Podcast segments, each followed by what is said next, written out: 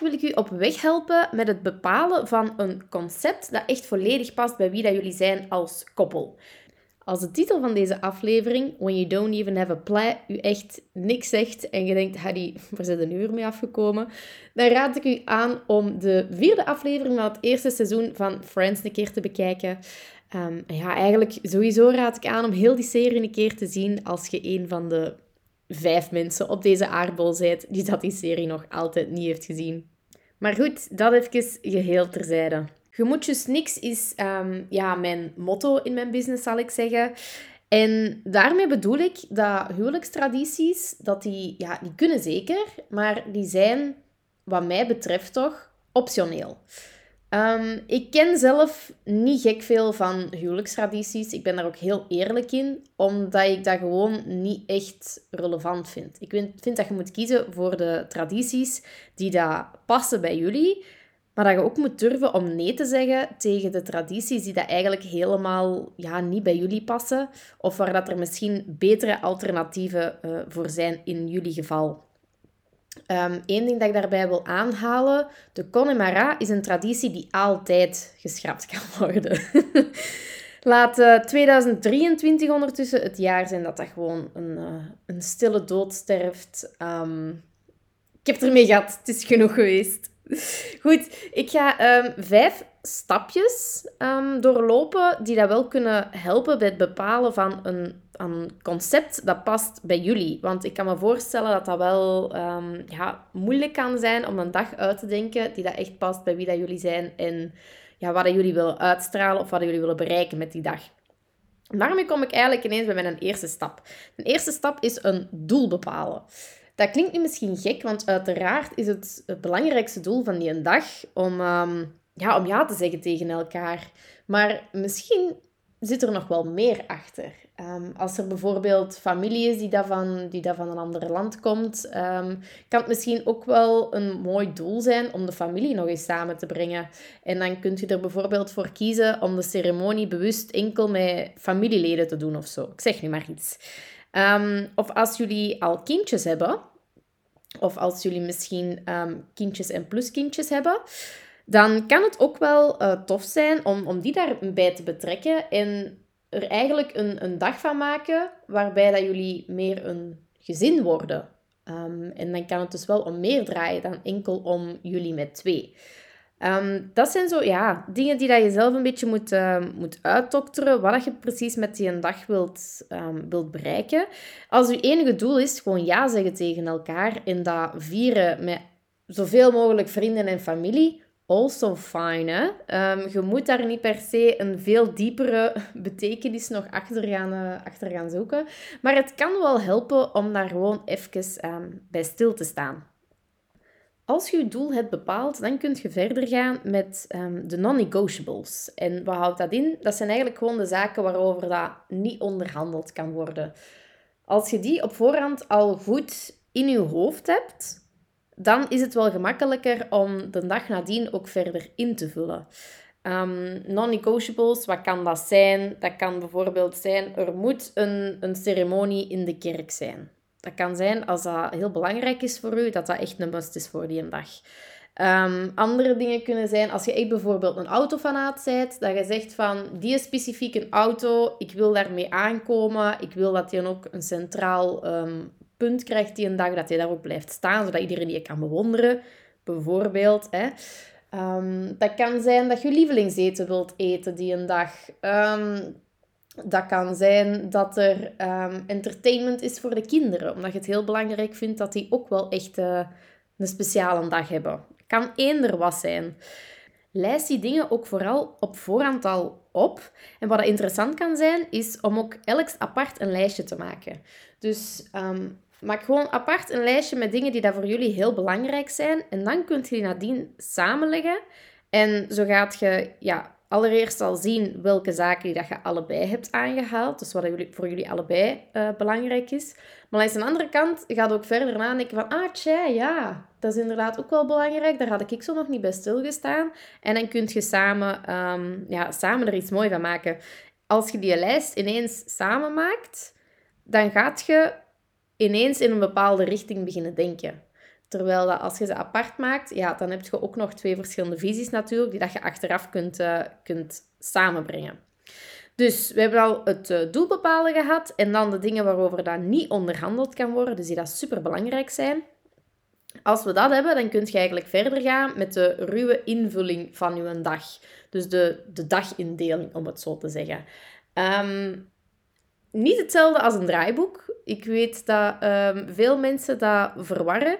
Uh, met de dagindeling bedoel ik echt gewoon een, een vaag of een ruw overzicht van wat er die een dag gaat gebeuren. En dat kan zijn bijvoorbeeld voormiddag, uh, burgerlijke trouw als je die op dezelfde dag wilt. Middag, lunch met de dichte familie. Um, namiddag een ceremonie, daarachter een receptie, een diner, een dansfeest. Dat is nu een heel klassieke indeling die, dat ik, uh, die dat ik geef. Maar daar kun je dus echt wel volledig je eigen goesting mee doen. Um, dus denk zo ook al eens na wat dat belangrijk is voor jullie. Uh, misschien bepaalde hobby's of zo die dat je wilt integreren in die een dag. En durf ook die dingen in vraag te stellen. Bijvoorbeeld een uh, diner. Als jullie allebei mensen zijn die dat, um, ja, die graag direct beginnen dansen op een feest en die daar niet graag aan tafel zitten, kies er dan ook niet voor om een, uh, om een zesgangen diner aan tafel te doen of zo. Hè? Maar kies dan misschien eerder voor uh, live muziek dat al start tijdens de receptie en dat je een walking dinner hebt, waardoor dat je heel de avond een beetje aan het eten bent, maar dat je ondertussen ook al wel kunt feesten. Zo van die dingen. Dus denk daar gewoon al een keer over, uh, over na. Dan het vierde puntje. Dat is de stijl en de sfeer bepalen. Want dat op zich, dat doet echt al wel heel veel aan je, aan uw feest. En daarmee kun je heel hard ja, uitstralen wie, dat, wie dat jullie zijn. En met stijl en sfeer bedoel ik... Ehm, als eerste, ja, welke, welke sfeer dat je visueel wilt uitstralen. Dus welke, um, welke stijl dat je wilt aannemen in de zin van... Wilt je een heel rustiek trouwfeest? Um, dan denk ik aan, aan zo de, de typische barn weddings. Hè? Of um, zegt je, ja, het is eerder het romantische dat ons wel aanspreekt. Of we zijn eerder um, echt voor de heel klassieke, strakke tafels. Of een heel klassiek feest. Um, denk daar zo eens een keer over na. En uiteraard ja, kan Pinterest daar wel een heel interessante in zijn. Ga gewoon een keer door die foto's en je zult al heel snel merken wat je mooi vindt. Dus waar dat je heel erg naartoe getrokken wordt. En wat dat je juist minder zegt. Um, en dan het tweede aspect van die stijl en sfeer, ja, dat, dat is voor mij dan eerder de, de sfeer, is wat, hoe wilt je dat mensen zich voelen? En daarmee bedoel ik natuurlijk niet dat je verantwoordelijk bent voor de emoties van al je gasten. Hè? Um, hoe dat ze zich voelen, dat bedoel ik eerder um, ja, de sfeer dat het uitstraalt. Ik kan er niet echt een ander woord op plakken. Het spreekt voor zich dat bijvoorbeeld een, een trouwfeest waar je heel klassiek gaat tafelen, dat dat een heel andere sfeer heeft dan een, een tentfeest dat zo aan een festival-vibe heeft. Makes sense, right? Ehm, maar dat is nog iets anders dan de stijl. Want je kunt perfect een rustieke festival-vibe hebben. Je kunt ook een, een romantische festival-vibe hebben. Dat kan perfect. Maar je gaat daar sowieso een andere sfeer mee uitstralen of een ander gevoel mee creëren dan bij je, ja, bij je gasten, dan als je dezelfde stijl pakt, maar daar een, een veel strakkere beleving van gaat maken, bijvoorbeeld. En als je dan die vragen over stijl en de sfeer die dat je wilt uitstralen, als je die hebt beantwoord, dan gaat je eigenlijk al heel gemakkelijk verder gaan in de volgende stap.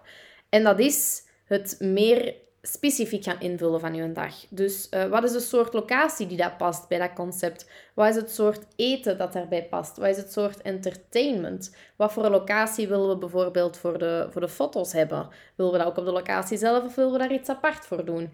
En zo kun je echt verder gaan denken en steeds je dag meer en meer specifiek um, gaan invullen. Nog een paar vragen die dat ik um, vaak stel op het einde van een kennismakingsgesprek. Um, en ik noem dat mijn heilige vragen. En dat is omdat als je die vragen beantwoordt, dan gaat je al heel gemakkelijk een richting kunnen creëren. En dan gaat je ook al heel gemakkelijk um, bepaalde knopen kunnen doorhakken als je ervoor komt te staan. En meestal gaat dat dan om budgettaire knopen. Um, we moeten daar niet onnozel over doen. Trouwen, het kost geld. Hè. Het, is, uh, het is net iets anders dan even een brood gaan halen bij de bakker. Dus je moet er natuurlijk um, meer over nadenken. En je budgetmanagement is, um, is zeker enorm belangrijk. Dus daarom heb ik vier vragen die dat je zelf kunt stellen en die dat er echt wel bij gaan helpen om dan de knopen uh, door te hakken. De eerste vraag is, wanneer is onze trouwdag geslaagd? En dat is een heel ruime vraag, maar dat is ook heel bewust. Um, dus pauzeer misschien zelfs even de podcast om erover na te denken.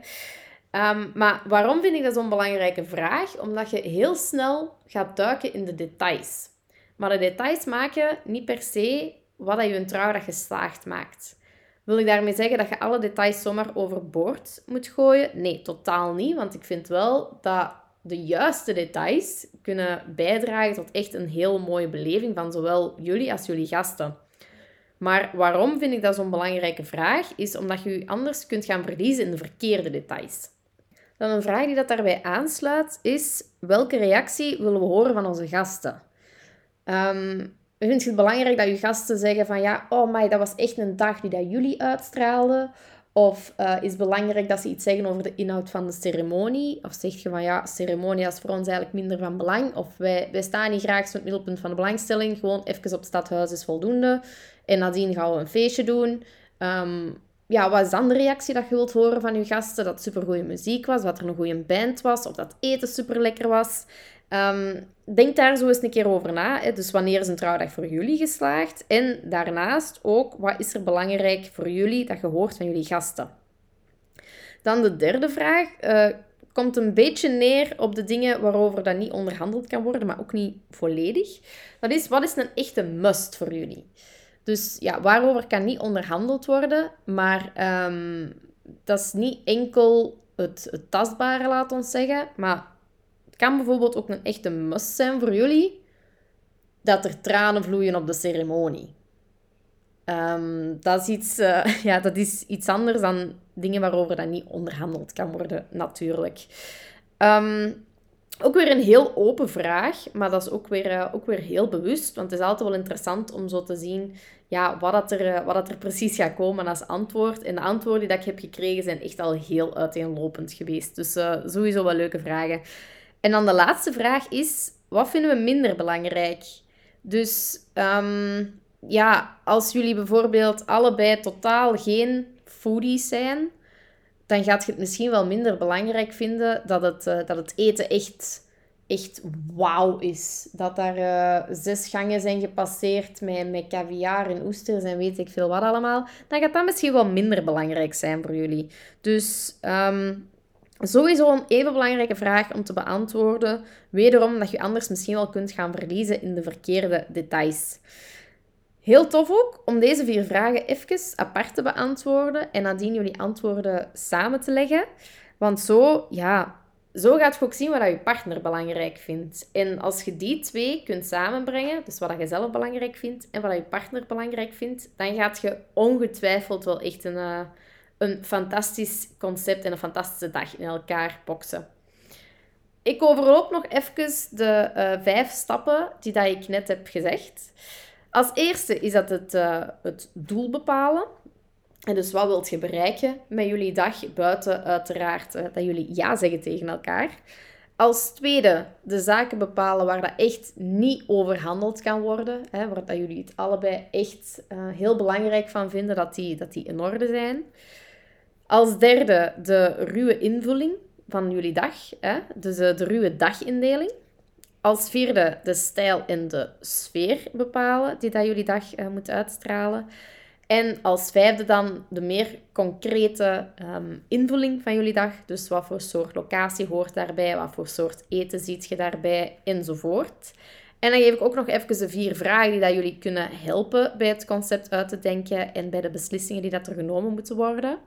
Dus als eerste, wanneer is onze trouwdag geslaagd? Als tweede, welke reactie willen we horen van onze gasten? Als derde, wat is een echte must? En als vierde, wat vinden we minder belangrijk? Voilà, ik denk dat dit zeker al wel een goede houvast is voor jullie om jullie concept verder uit te denken. En ik zou zeggen, ja, heel veel plezier ermee vooral. Want het is echt wel, ehm, echt wel tof om daar verder over na te denken. En je kunt er misschien wel eens uh, een date night over, uh, houden. Dat je echt heel specifiek over jullie trouwdag gaat babbelen.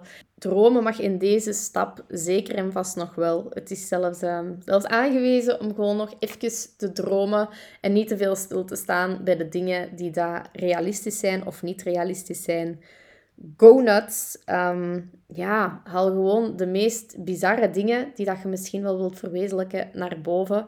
En dan gaat je vanzelf wel tot een concept komen dat echt top is en dat op en top jullie is.